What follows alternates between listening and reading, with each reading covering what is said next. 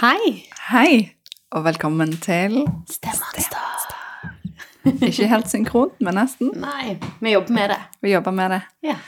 Ja, i dag skal vi eh, rett og slett undervise litt. Ja. Shit. Ofte høres kjedelig ut. Ja. Um, I dag har vi bestemt oss for å snakke om noe så traurig tituluert som toleransevinduet. Oh, I got monsters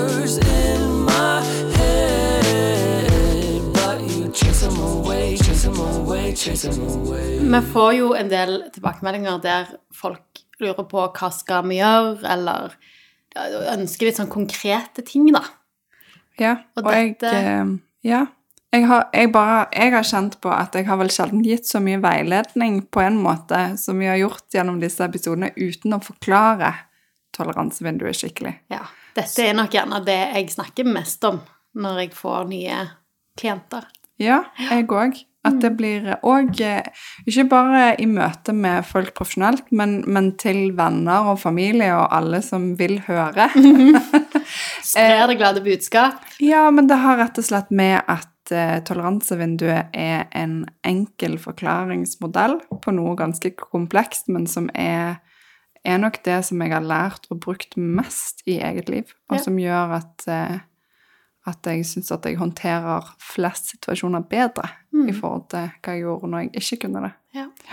Så jeg håper at dere kan bli glad for at vi har lyst til å dele det med dere. det er lov å håpe. Det er lov å håpe. Ja. Så hva er toleransevinduet? Jeg kan bare si bitte litt først at det er en som heter Daniel Siegel som er, egentlig står bak det hele. Ja. Jeg vil ikke si mer om han, for det husker jeg ikke så mye mer om han. Eh, men, men dette er jo sant, som alle skjønte, at dette har ikke vi kommet på helt av oss sjøl. Eh, I Norge så er det nok Dag Noranger som Mm. har gjort det mest kjent. Ja. Og vi ønsker jo at dere eh, går inn og googler og går inn på YouTube, og vi legger nok ut på Facebook-siden vår òg bare bilde av, av modellen og forklaringsmodellen. Og det er kjempegode filmer som forklarer dette. Ja. Men nå skal vi prøve å gjøre det i et utelukkende stemorsperspektiv. Ja, og Som det som nytt. Jeg tror aldri jeg har gjort dette uten å tegne det.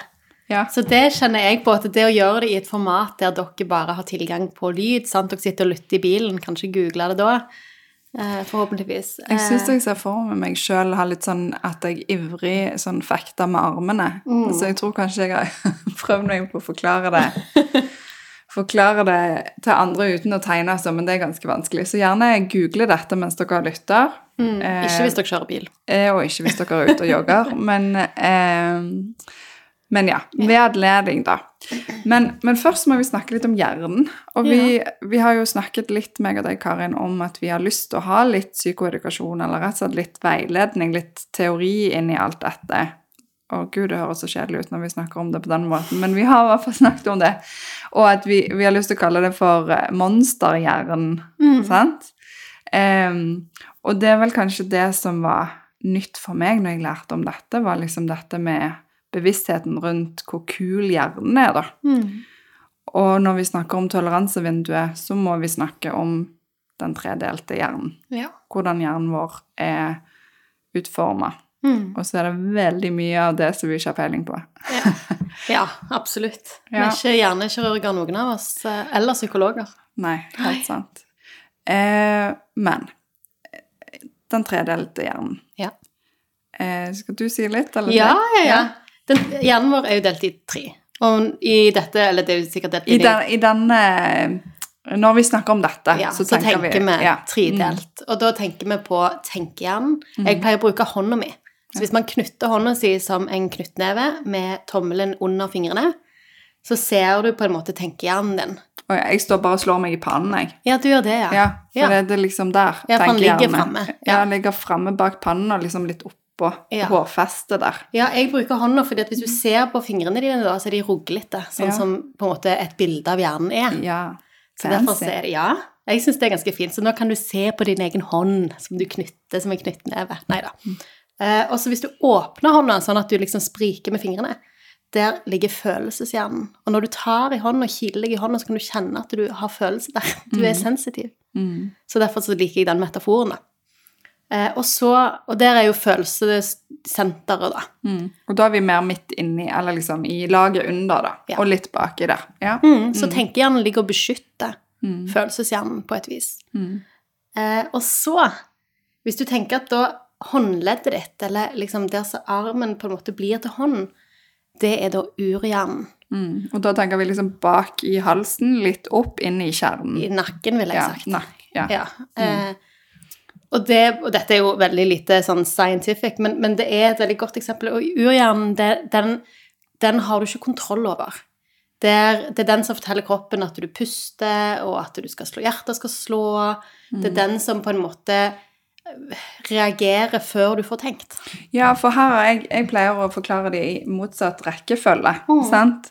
Eh, fordi at, at Og da begynner jeg med den urhjernen, for Ja. den er jo lik helt ned til reptilet, så er jo Mm. den lik som vår, sant? Og så har du videreutviklingen med følelsene, Ja. som er liksom laget utenpå, og så er det vår hypermoderne 2.0 eh, helt bare oss, eller noen vil nok sikkert påstå at dyrene sine kan eh, tenke og, og vurdere veldig mye. Men iallfall for de smarteste av oss, da, så er det en velutviklet fornufthjerne der. En tenkehjerne. Som er den mest avanserte, nyeste, men òg da faktisk som ligger ytterst og oppå. Ja. Fancy. Ja. Og ok, for de som ikke har sovna Så hva er, hva er det som skjer når vi stresser, når vi er Når, når ting skjer? Så er det et eller annet som skjer igjen. Vi, Mm. vi får en eller annen sånn type stimulus. En, en, noen som kommer Hvis vi satt her nå, og noen kom løpende inn i rommet Mm. eh, med kniv og gaffel Jeg pleier å si hvis det kommer en bjørn inn, Ja. så begynner du ikke å lure på om Ja. du skal bli redd. mm. Da, hvis du holder knyttneven i hånda, så bare åpner hele knyttneven seg, og Ja. du går rett inn i urhjernen. Ja. Du bare reagerer. ja. Før du får tenkt deg om. Ja, heldigvis, og det er det som er så kult, sant?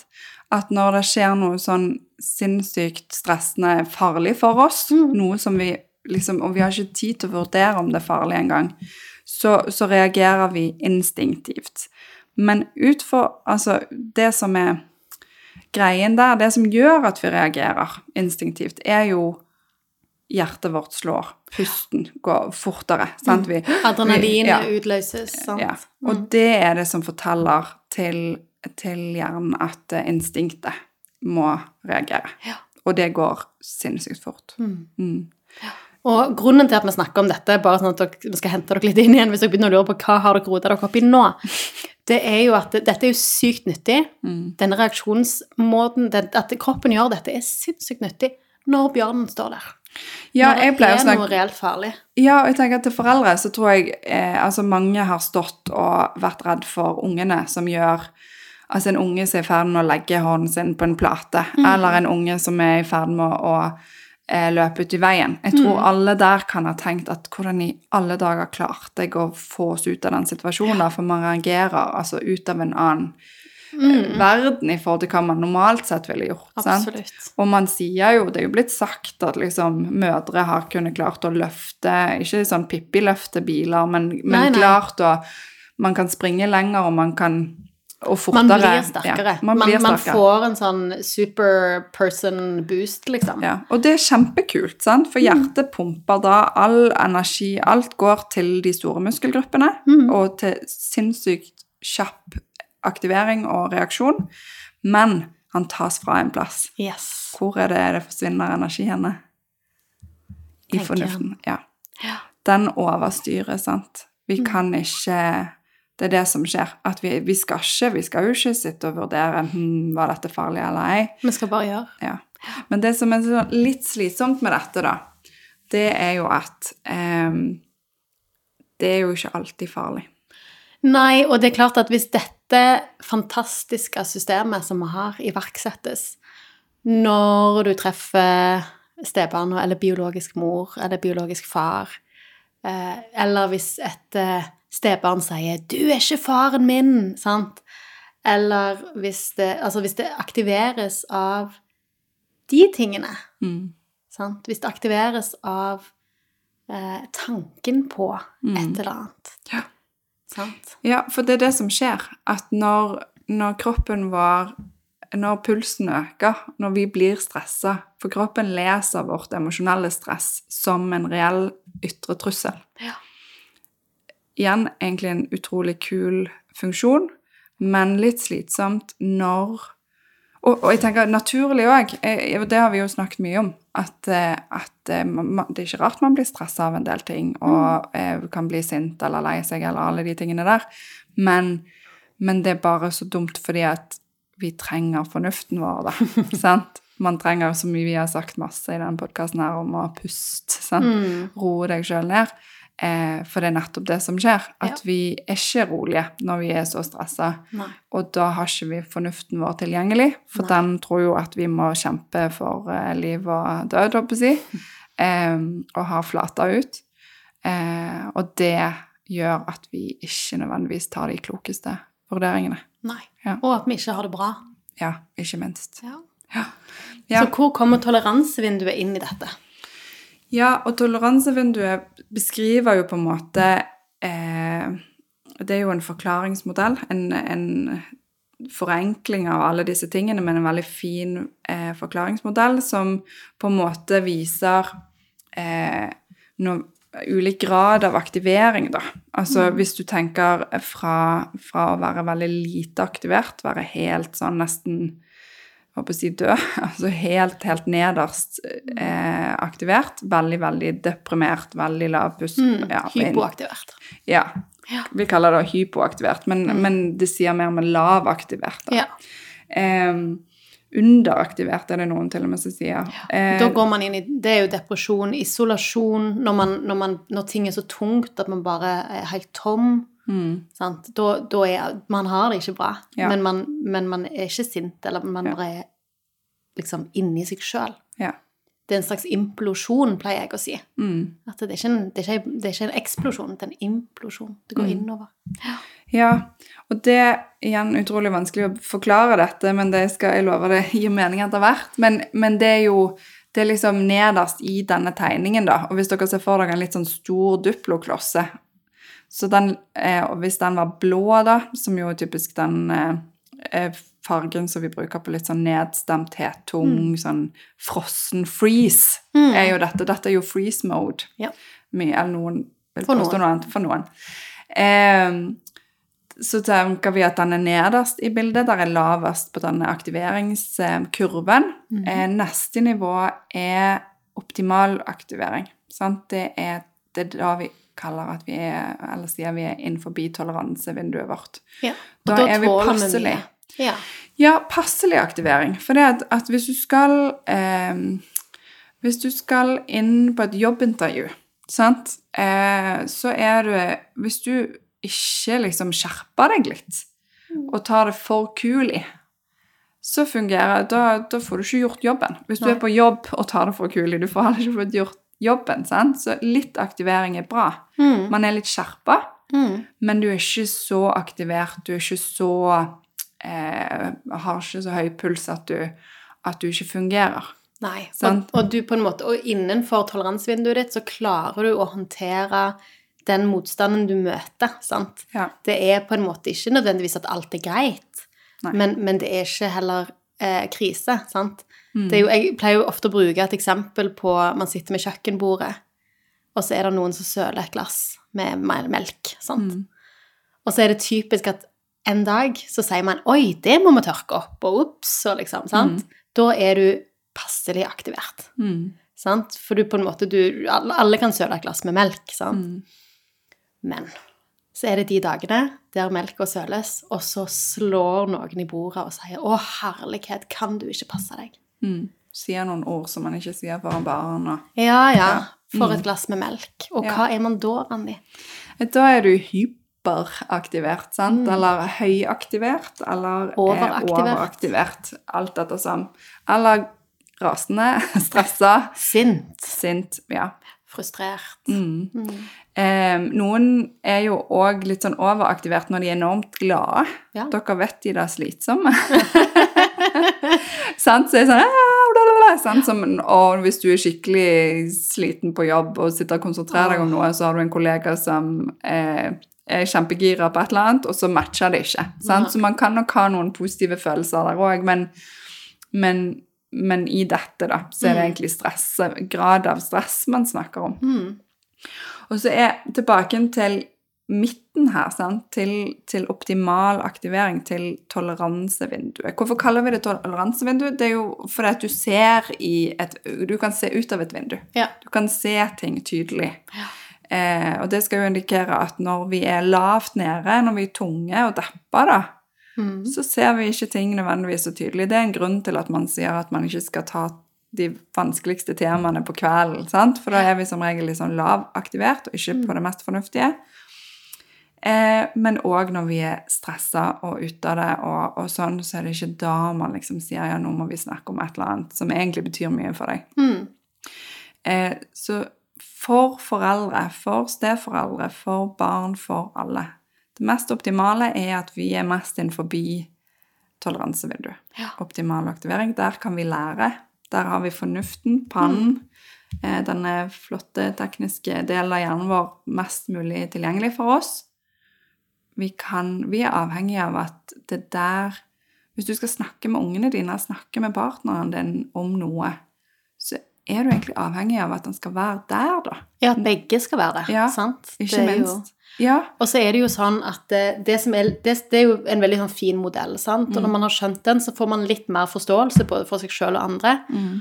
Men så på en måte kommer level to, sant? Eh, og det er jo at toleransevinduet er ikke alltid like stort. Mm. Det er fleksibelt. Det er veldig fleksibelt. Ja. Jeg pleier å tøyse med når jeg holder kurs, så pleier jeg å si at eh, mitt toleransevindu eh, før og etter den første kaffekoppen om morgenen er veldig forskjellig. Da er vi to.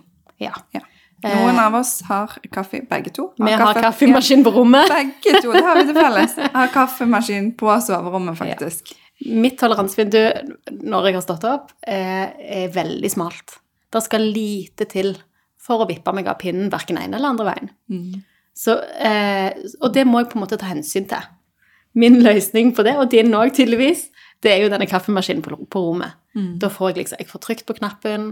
Eh, jeg er nok egentlig litt sånn idealist og har ikke lyst på kapsel, men det måtte jeg bare gi meg på når jeg fikk barn og liksom fikk en annen eh, Hver en annen hverdag, ja. Eh, så da er det rett å trykke på knappen, og gjort klar, alltid gjort klar kvelden før, selvfølgelig, for jeg kan ikke møte motstand. og så får jeg denne koppen, og så går jeg inn på badet, og så kan du nesten kjenne i kroppen at vinduet bare strekkes til sånn normal, passelig toleransevinduestørrelse. Å, det er herlig. Ja. Ja.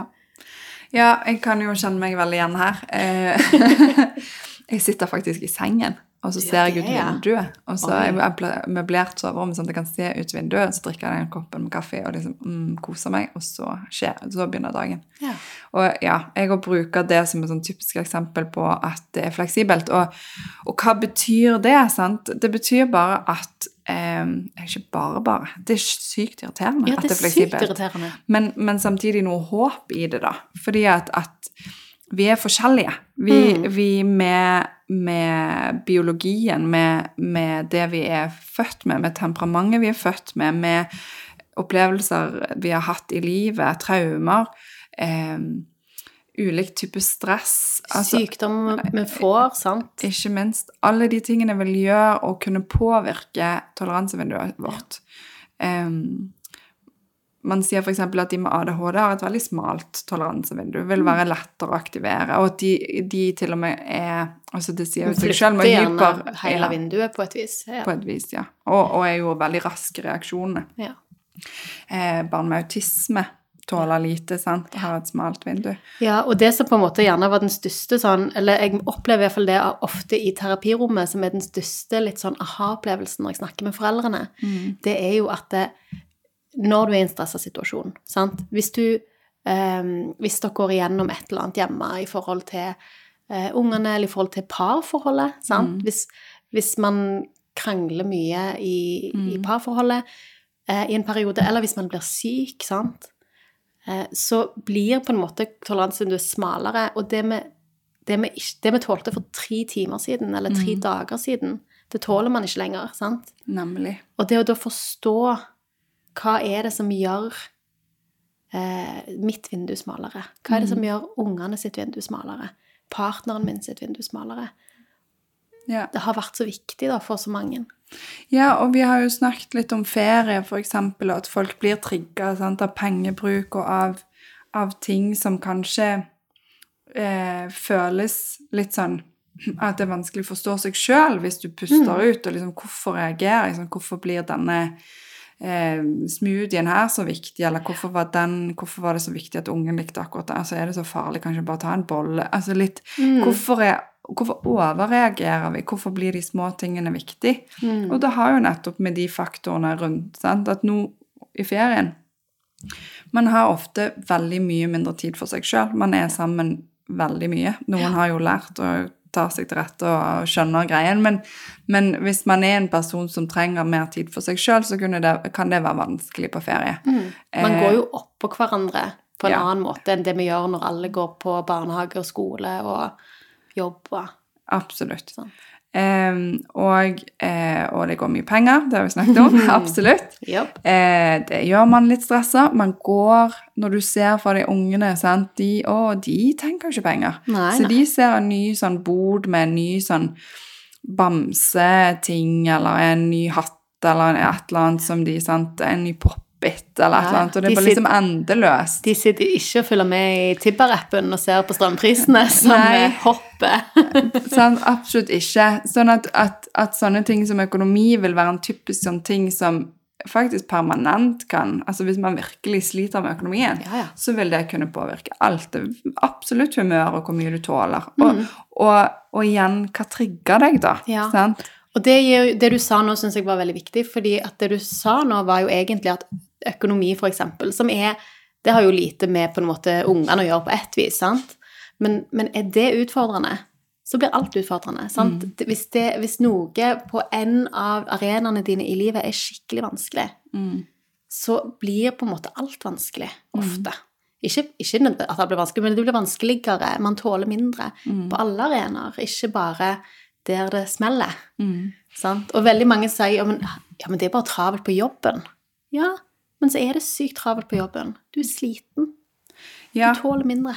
Ja, blodsukker er jo en viktig ting. Eh, søvn er en viktig ting. Altså veldig mye sånn fysiologisk som er kanskje lettere å forholde seg til enn en del andre ting som man, man har vanskeligere med å klare å rydde av veien. Sant? Men man kan ta en del hensyn som vil gjøre at du tåler en del mer. Ja. Vi så i hvert fall det på ferien. At ok, den frokosten den er sykt viktig. Ja. Oi, ja, nå var det på tide med lunsj, ja. Hmm. sant? Litt fort eh, å få inn på litt sånn jevnt blodsukker med unger og, og mødre og fedre. eh, det, det påvirker humøret, dette vet alle. Ja. Men forrige gang når vi snakket om eh, par, så snakket vi litt om dette med eh, sårbarheten i en sterelasjon. Og grunnen til at vi snakker om toleransevindu og den tredelte hjernen her, er at når man har en del sårbar, sårbare relasjoner rundt seg, eh, man har mange man skal ta hensyn til, det er mange som er litt såre. Det er mange som er litt utenfor toleransevinduet sitt. For det, jeg vet ikke hvor godt vi forklarte den til slutt, da, men det var jo den øverste biten. Vi sa vel det at den var hyperaktivert. Og at vi, når noe trigger oss, sant, eh, når noe stresser oss, så vippes vi ut av toleransevinduet. Vi aktiveres eh, gjerne opp da, som en sånn stressreaksjon, og mister den beste evnen vår til å tenke fornuftig. Og det tror jeg er en sånn greie i alle familier, i alle sine liv egentlig der ute, men absolutt i våre liv. Sant? Med mange relasjoner, mange For et barn har sine De har sine toleransevinduer, sånn som du sa. Eh, foreldre har sine. Ja. Eh, og det er i hvert fall sånn at hvis det er noen som, som er utenfor sine toleransevinduer, som er stressa, så er det smittsomt. Ja, ikke, ja, virkelig. Og jeg skulle jo veldig gjerne ønske at når jeg var utenfor mitt, at jeg ble møtt med sånn Å ja, hva trenger du nå? Men dessverre så har man en tendens til å påvirke de rundt seg når man er utenfor og stressa og sur, da. Ja. Sånn at de andre òg blir sure. ja. fighting fire with fire. Oh yes. Ja. Eh, jeg pleier, Når jeg snakker med steforeldre, så pleier jeg å eh, bruke det eksempelet med eh, Altså hvordan du har det med deg sjøl, sant? Eh, hvordan jeg ser på meg sjøl som stemor, eller hvordan eh, du ser på deg sjøl som stefar. Det påvirker på en måte, Det påvirker jo vinduet ditt, sant? Hvis, hvis du har sykt eh, dårlig confidence for tida, hvis du føler at 'dette får jeg ikke der', jeg mestrer det ikke jeg, jeg, jeg, jeg, finner ikke helt tonen. Det, det har skjedd mye rart i det siste. Jeg, er ikke liksom eh, på en god plass nå i denne familien, sant? Og hvis da det kommer en kommentar 'Pappa gjør alltid sånn', eller 'Mamma gjør alltid sånn' Altså hvis du Ja. da blir spilt opp mot gjerne både liksom den den som det, det- Altså din kjæreste, men men òg gjerne den andre biologiske forelderen, sant? eksen. da ser jeg at veldig mange mister på en måte eh, fotfestet og rykker rett opp i, i vinduet sitt. Oh yes. Og det er jo en greie. At, eh, at vi òg er jo Vi er jo laga for å se etter ting som truer oss. Vi er jo og igjen en sinnssykt kul funksjon. Sant? At, at det er jo en overlevelsesgreie. At vi, at vi leter etter ting som potensielt er farlig for oss. Men det er ganske drit når det er relativt lite som er veldig farlig for oss. Men, men det er jo en del ting som man kan velge, eller man, man kan oppleve som negativt, men som ikke nødvendigvis er det. Ja. Eh, Og det er jo der, når man er hyperaktivert, det er jo da man mistolker alt Ja. negativt. Det er Ja. da alt blir på en måte Eller hypoaktivert. Når man ikke er innenfor den optimale aktiveringen. Ja. Det er da man på en måte når, Det er da det blikket blir helt sikkert retta mot meg. Sant? Altså, det er liksom Det er da man er sårbar, da. Ja, og jeg tenker eh, Jeg har hatt en del foreldre i terapirommet som har snakka om Og jeg nevnte vel det òg i en episode her med de som Det ble veldig sånn åpenbart at de, når de var samla i ett rom, så hadde de hver for seg tenkt at den andre egentlig saboterte prosjektet. Sant? At, at eh, hvis den ene ungen ikke vil være hos den andre, eller vegrer seg litt, eller sånn, så, så tror liksom den andre at ja, den, den, spiller, den er med på lag. Den yeah. prøver ikke å få henne til å komme til meg. Eh, for, og hvorfor tenker man automatisk sånn? Jo, fordi at man er såra. Man er stressa. Det er en trussel. Eh, Man en, føler seg gjerne ikke bra sjøl heller, sant? Nei, og da er det en naturlig respons. Det er truende for meg når Ja, ungene mine ikke velger meg. Ja. Det er kjempetruende for meg. Mm. Ja, Da er det ikke rart man reagerer, og fornuften forsvinner litt. Eller som en, en far sa til meg en gang når jeg forklarte dette Jeg skjønner jo godt at de ikke vil være hos meg. Ja. For han, han var helt bånn i bøtta, han. ja. Han var ikke verdt å være pappa til noen. Uff da. Ja, det var kjempetrist. Sant? For han hadde det så kjipt med seg sjøl. Ja. Han var så underaktivert at han tenkte at det, ja, for han var sånn i hele tiden, eller i en periode. Ja, i en periode, da. Sant? Mm. Selvfølgelig vil ikke mine barn være hos meg. Sant? Og så lette han etter bekreftelse på det. Ja. Eller alt de gjorde, var en bekreftelse på det. Ja. Men så var jo de bare vanlige barn. Mm. Og barn avviser foreldrene hytt- titt og stadig. Oh yes. Ja. Ja. ja, og hva, hvorfor forklarer vi dette? Sant? For det ene er jo Jeg sier ofte at det vi forstår, det tåler vi bedre. Og, og, og hvis man kan klare å se dette for seg, så vil det ha litt å si i praksis. At, at eh, du kan ta Hvis du ønsker å snakke, sånn som vi sa litt innledningsvis, at hvis du ønsker å snakke med partneren din om noe så viktig for deg, så er du litt lur, da. Når er dere optimalt aktivert? Når tåler dere å snakke om de vanskelige tingene? Det kan være lurt å tidsbefeste i kalenderen, faktisk. Ja. At, at jo søndag formiddag, da pleier det å gå godt å snakke om det aller vanskeligste. Sant? Det er ikke nødvendigvis onsdag kveld rett før man skal sove. Nei, og det Eh, samme gjelder jo med barna. sant? Absolutt. Alle gangene man skal liksom bygge broer der, eller fikse ting, eller snakke om ting som er vanskelig. Ja. Ikke gjør det når de kommer hjem fra skolen og ikke har spist, og, Mm. og på en måte du, de tror du skal begynne å mase om leksene, liksom. Altså, Mm. sant?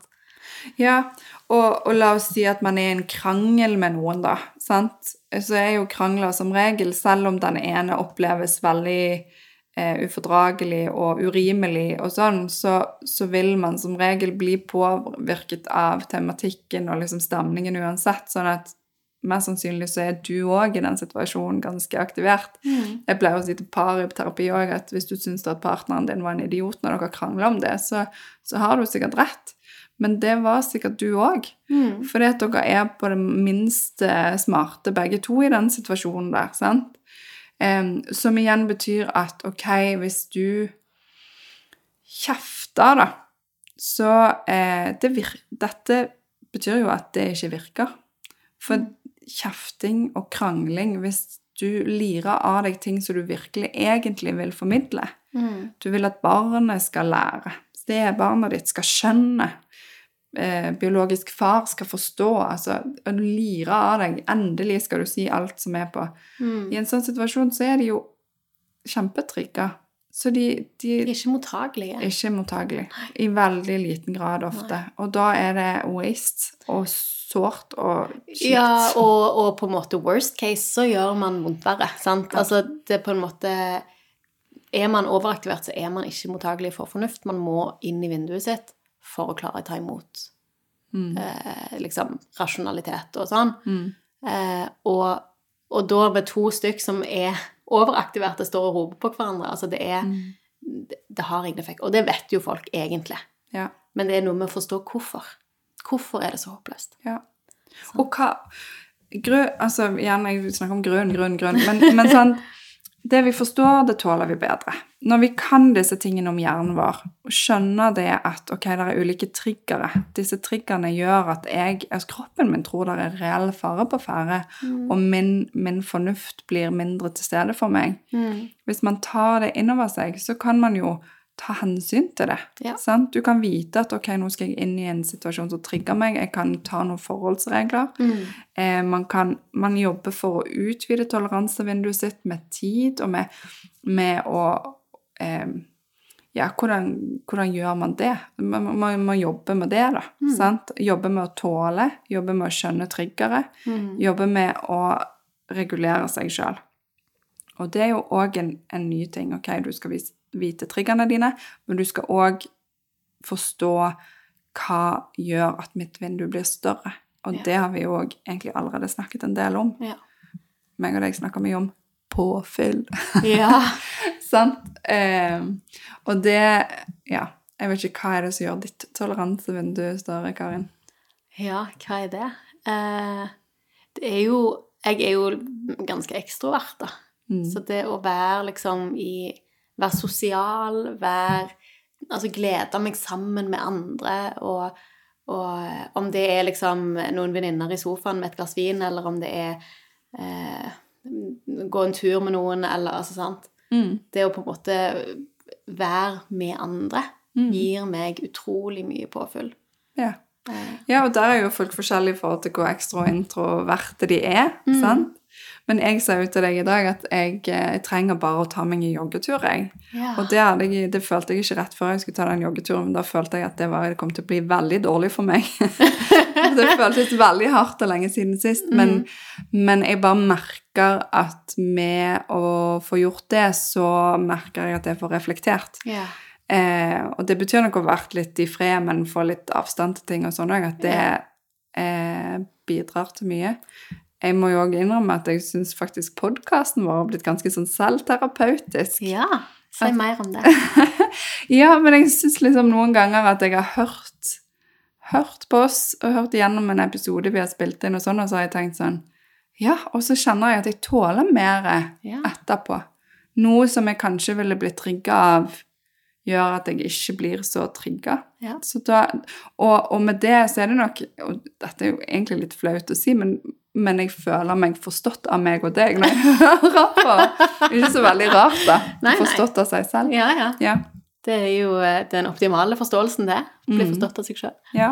Ja. Nei, min, min eh, kjære mor, hun, eh, hun har begynt å, å si av og til jeg, så Når jeg sitter med disse venninnene, så sitter jeg jo og snakker. Sant? Mm. Du, du tenker mens du jogger. Jeg, jeg snakker mens jeg tenker.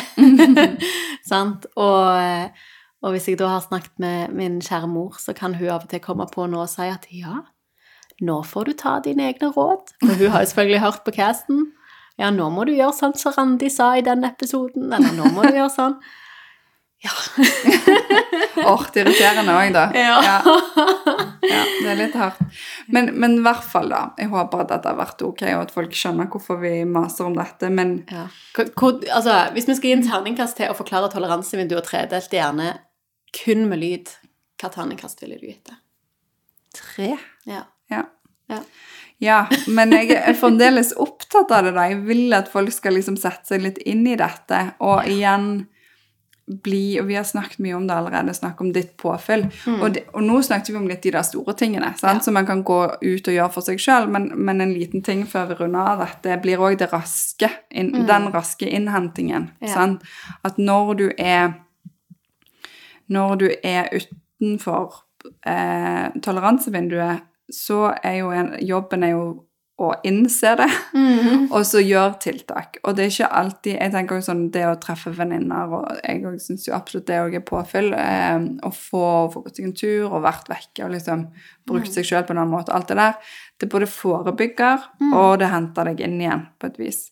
Men i situasjonene, i en krangel, når en unge står der og er vanskelig og sier Du, jeg liker ikke deg. Nei. Sant? At det var en veldig snill måte å si. Ja. Ja. Hva da? For at da kan altså et, Det er vanskelig å ikke si noe dumt da. Mm. Da sier vi hva? Ja, det kommer jo helt an på situasjonen. Eh, av og til så sier jeg 'kan dere bytte litt på'? I forkant. Altså selvfølgelig, ideelt sett i forkant. Før det blir sånn 'nå tåler jeg ikke deg lenger, nå må jeg gå og ta meg en pause'. Sant? For det òg kan jo være vondt og vanskelig eh, for den andre, men, men, men det å på en måte Hva mente du nå at å stå i den situasjonen med barnet, at det kan være lurt å bytte på den som klarer å være rolig? Ja. Stå blir Ja. Ja, at man på en måte rigger seg på en måte at der man kan, kan bytte litt på. Mm. Eh, hvis det er en veldig krevende situasjon. ja.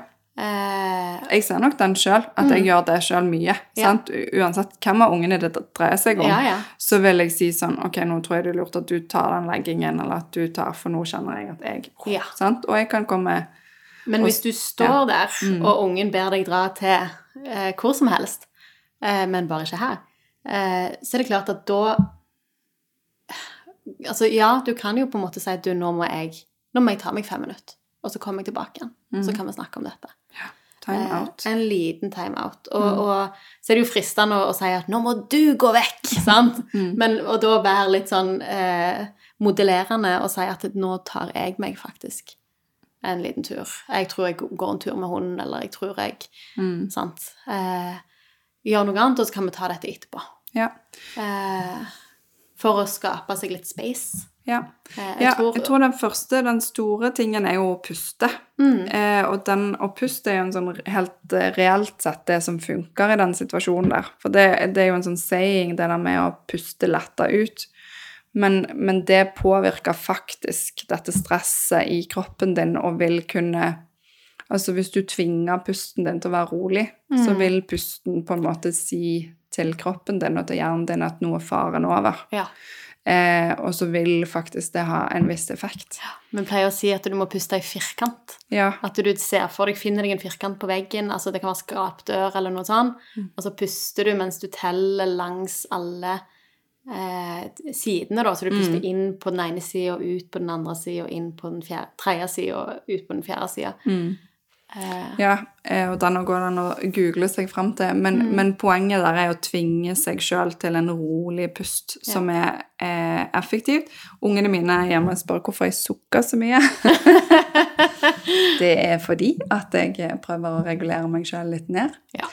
Eh, og det er jo den raskeste Det den tingen man kan gjøre. og det er jo òg den på en måte mest sånn smooth, eh, smooth sailor-tingen, der, Ja. der det ikke blir så synlig for den andre at nå regulerer du deg. Ja.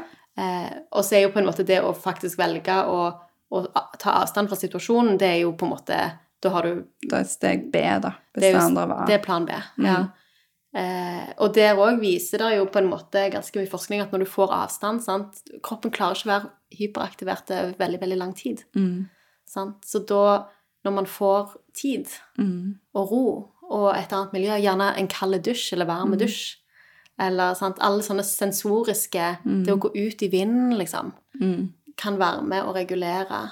Mm. Ja, det bruker vi jo særlig på de som er lavaktivert òg, Ja, ja. sant? At når man er føler seg tung, og absolutt det siste du kunne tenkt deg å gjøre, var, eh, Det siste du kunne tenkt deg å gjøre, var å være aktiv. Ja, ja. Sant? Fordi at du føler deg tung og deppa, så er det nettopp det treng, kroppen trenger. Sant? At, eh, og hvis du ikke klarer da å, eh, gå en tur eller trene eller hva det måtte være, så, eller danse eller sånn, så er Mm. jo det med å høre på musikk eller nettopp sånn som du sa, ta en kald dusj eller Gå alle de tingene.